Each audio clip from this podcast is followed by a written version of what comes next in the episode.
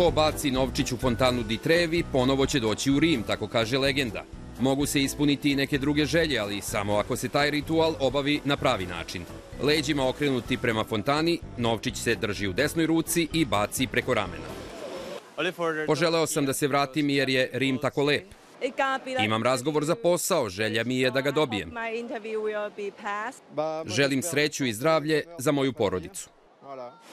Mnogo je želja, a i mnogo novčića. Tri puta nedeljno do Fontane di Trevi navrate zaposleni gradskog ureda za zaštitu okoline. Vade kovanice iz vode i stavljaju ih u veliki lonac. U glavnoj sezoni, koja ovde traje od marta do oktobra, oni tako svaki put skupe i do 8000 evra, pred očima posmatrača.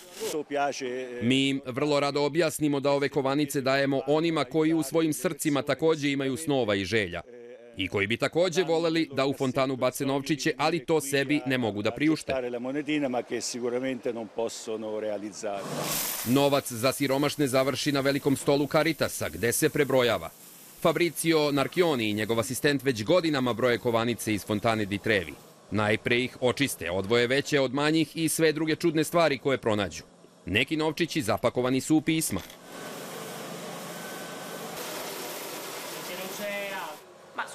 U njima su posebno lične intimne želje, ponekad i molitve. To rade prvenstveno ljudi iz inostranstva, kod njih je to običaj. I onda se kreće sa brojanjem. Tokom prošle godine iz vode su izvadili milion i 400 hiljada evra i podelili ih siromašnim rimljanima.